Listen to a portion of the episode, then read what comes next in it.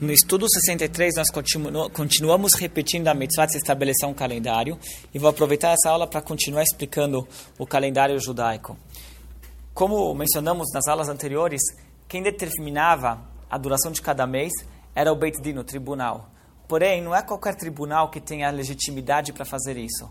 E quando os, os, os sábios observaram que uh, tinha um perigo dos tribunais legítimos para fazer isso uh, se extinguirem. Então eles ficaram preocupados como vão poder seguir uh, mantendo o calendário judaico e o calendário judaico é a base para toda a comemoração de todas as festas judaicas. Como eles poderão, como o povo judeu poderá continuar seguindo isso daqui se não houver o Beit Din, o tribunal que é legítimo para determinar o início de cada mês. Então eles fizeram uma segunda opção para o calendário judaico, que é sem precisar das testemunhas.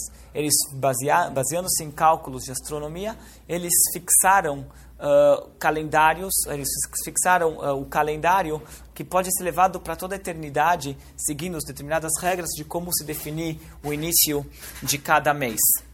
E é esse o calendário que nós usamos hoje em dia.